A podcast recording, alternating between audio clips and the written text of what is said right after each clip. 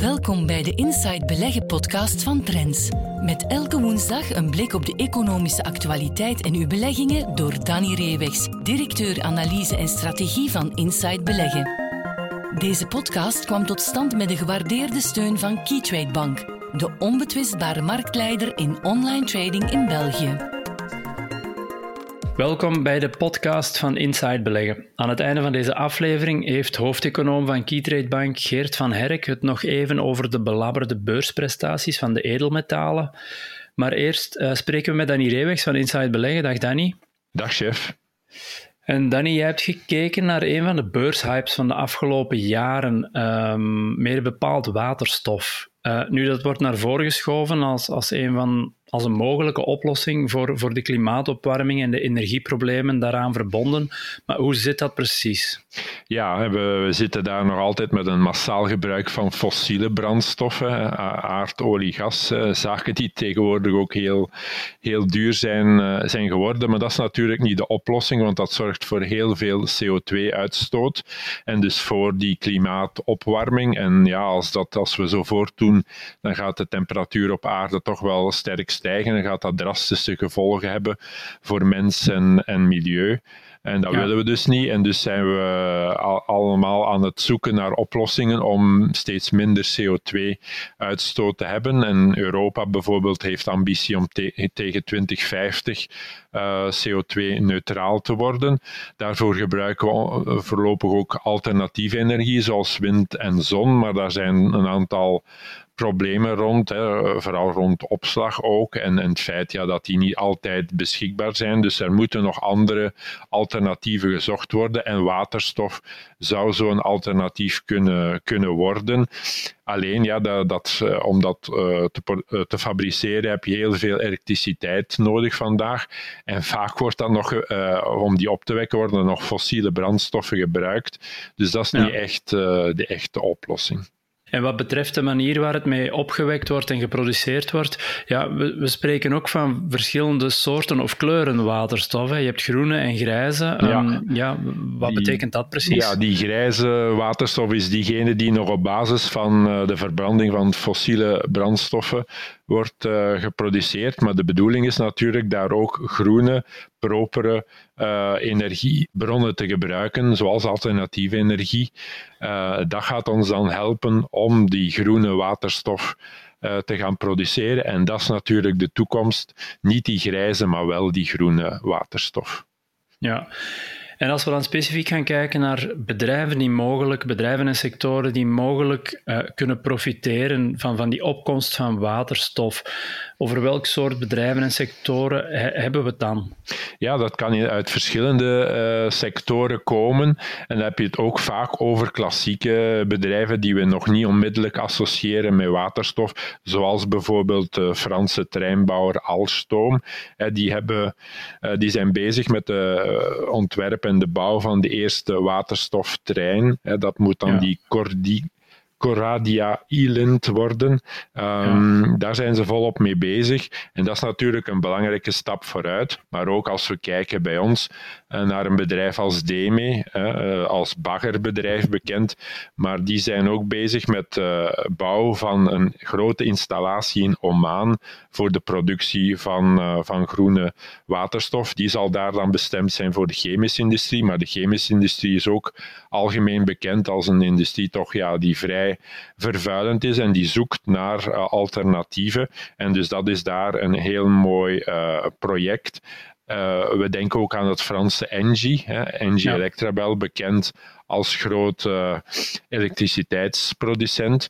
Maar die hebben ook uh, binnen in hun schoot een ingenieursbedrijf die bezig zijn met het ontwerpen van een waterstoffabriek die op zee vergelijkbaar met een olieboorplatform uh, ah, toch ja. voor groene waterstof kan gaan zorgen. Dus we zien, ja, dat is niet alleen uh, typische nieuwe bedrijven die daar bezig zijn, maar ook klassieke bedrijven, grote namen die we kennen, zoals een Alstom, een Engie, uh, een D mee, onderdeel van CFV van, uit de groep van Akkermans en Van Haren, maar ook RWE is bezig. Dus heel wat klassieke bedrijven zijn bezig met het ontwerpen van um, waterstoffabrieken of dergelijke, uh, die voor de toekomst toch heel belangrijk kunnen zijn om die CO2-uitstoot te gaan verminderen.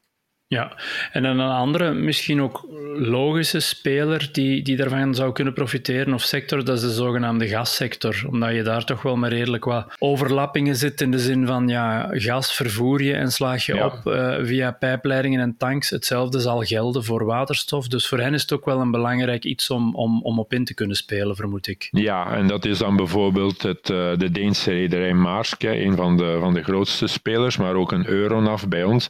Ja, die zijn bezig bezig om uh, die containerschepen, ja, die grote schepen, uh, olietankers en zo, te kunnen laten uh, voortstuwen op, op basis van koolstofneutrale methanol. dus ook op basis van, van waterstof. Dat is een heel belangrijke evolutie, hè, want daar is heel groot verbruik. En dat is heel belangrijk ja, dat ook die ontwikkeling zich verder doorzet. En uh, ja, daar zijn ook belangrijke ontwikkelingen te verwachten de komende jaren. Daarnaast, want dit zijn vooral bedrijven die er in de marge, maar toch wel een redelijke belangrijke marge zouden van kunnen profiteren. Daarnaast heb je ook een aantal pure waterstofspelers.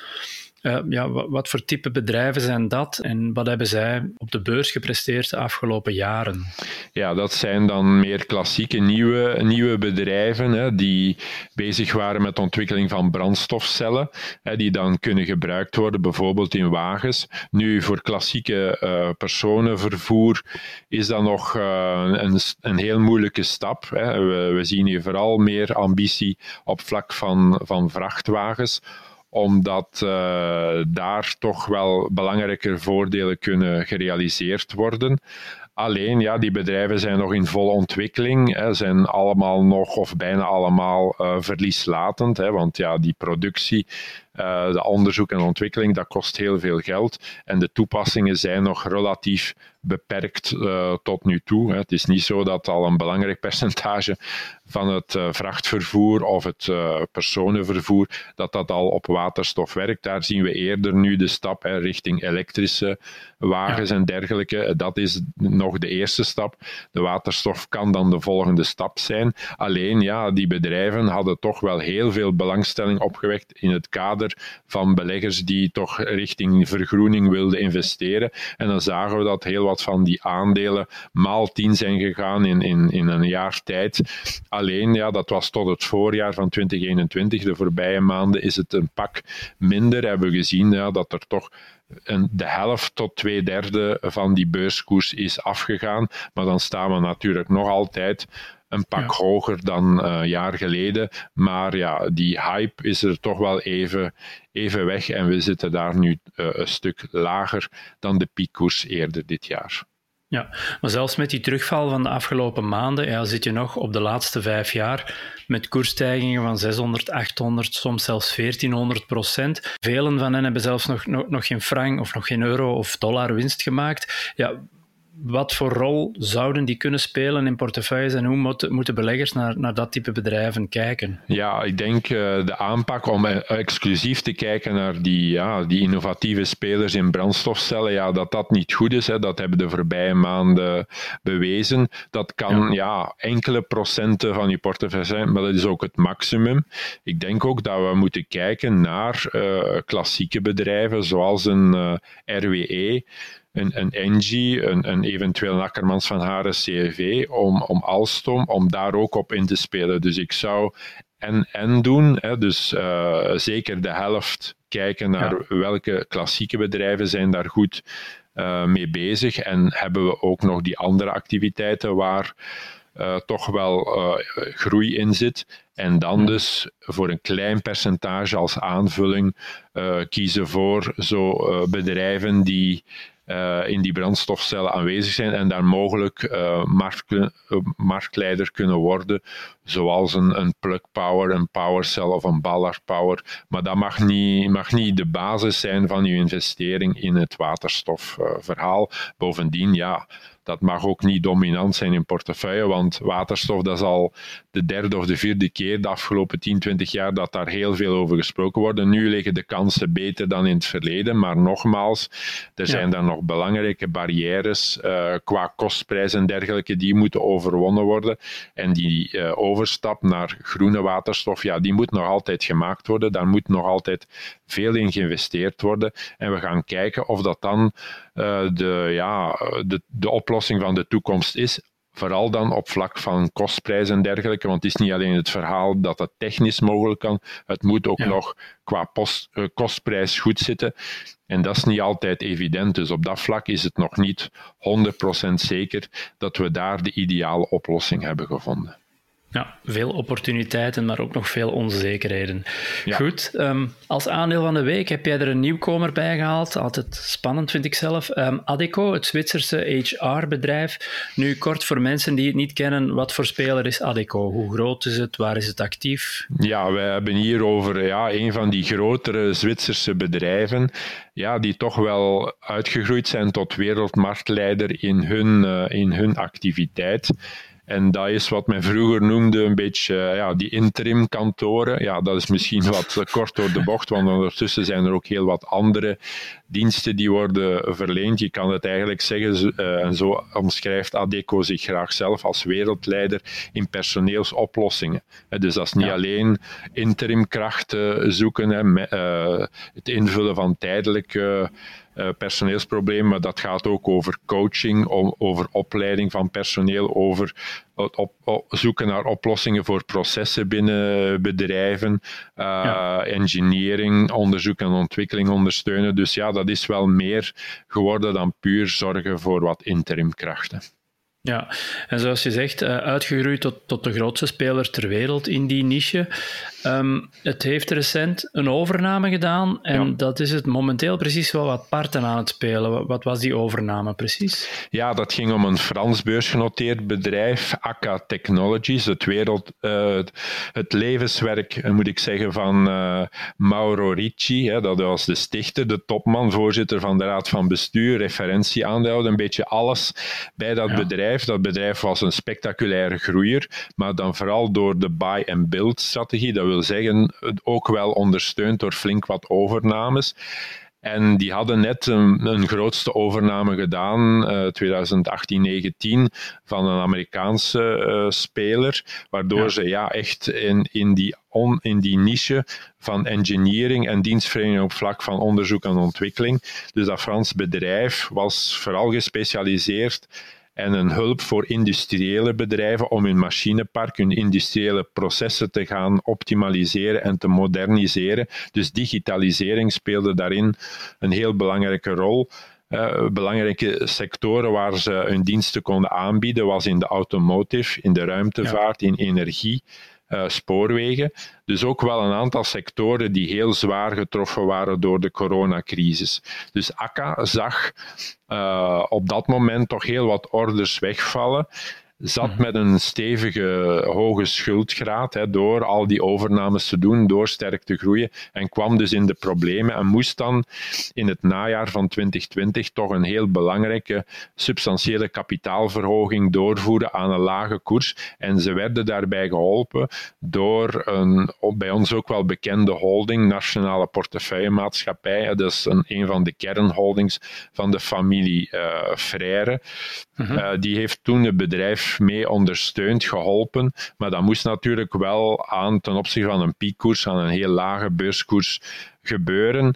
En dus ja, AK Technologies was een van de uitschuivers op de beurs van, uh, van 2020. En dus zagen de Zwitsers daar de kans om uh, dat bedrijf toch met toekomstpotentieel om dat over te nemen. Omdat binnen ACA zijn er heel wat dochtervernoot, uh, binnen ADECO moet ik zeggen, zijn er ook mhm. heel wat dochtervernootschappen. Eén daarvan is Modis. En door ACA en Modis te gaan samenvoegen, ga je daar in die engineering activiteiten toch een nieuwe wereldtopper uh, creëren. Alleen, de markt is daar niet blij mee. Waarom? Omdat dus bijna ja, ongeveer het dubbele van de beurskoers op dat moment werd betaald, want het bod loopt tegen 49 euro uh, per aandeel. En dat is een waardering van meer dan 10 keer uh, eh, EV-EBITDA, dus ondernemingswaarde ten opzichte van de bedrijfskaststroom voor 2022. Alleen op vandaag uh, wordt Adeco zelf maar aan minder dan 7 keer die verhouding uh, gewaardeerd. Dat wil zeggen ja, dat ze eigenlijk 50% premie hebben betaald ten opzichte van de eigen waardering en de markt vindt dat te duur en heeft het aandeel daarvoor in de zomer afgestraft. Ja, en is er al iets te zien van de impact van die overname op de resultaten en de financiële gezondheid van Adeco? Ja, op dit moment eh, nog niet echt. Hè. De overname moet nog uh, goedgekeurd worden en moet nog geïmplementeerd worden.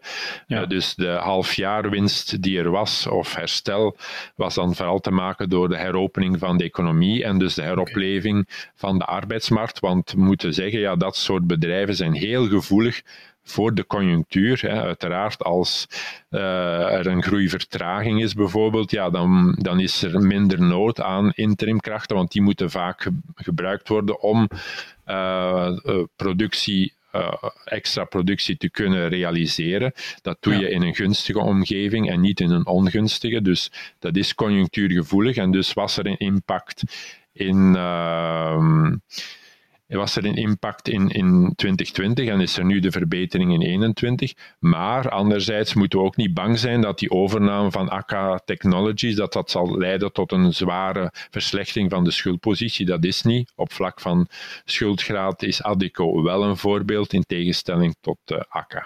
Ja, en denk jij dan dat de markt in feite een beetje te streng is geweest in haar oordeel over, over de resultaten van die overname? Ja, dat denk ik wel. Hè. Dat, uh, Oké, dat is misschien op korte termijn uh, duur betaald, maar als we kijken naar de komende jaren, hè, dan zien we ja, dat, dat die digitalisering en dergelijke, die engineering, het, het, het, het uh, beter maken van die processen, dat dat heel belangrijk is voor de winstmarges van bedrijven. Aan de ene mhm. kant, hè, met betrekking tot ACA, maar aan de andere kant algemeen voor Adeco zouden er toch goede jaren in het verschiet moeten zijn. We zitten daar met die economische heropleving en we zitten met een krapte op de arbeidsmarkt. Dus dat meer en meer bedrijven, gespecialiseerde firma's zoals Adeco, gaan inhuren om hun personeelsproblemen uit zoeken naar personeel, geschikt personeel vooral, en die opleiden, die ondersteunen. Ja, dat veel bedrijven daarnaar op zoek zijn, dat lijkt me logisch de komende jaren. Dus eigenlijk zou het voor Adeco en andere bedrijven in die sector de komende jaren toch wel goed moeten gaan. En in die optiek lijkt me het aandeel toch wel laag gewaardeerd. Ja, dus die afstraffing uh, is een kans om uh, mogelijk te profiteren van het herstel uh, van, van het aandeel van Adeco in de komende maanden.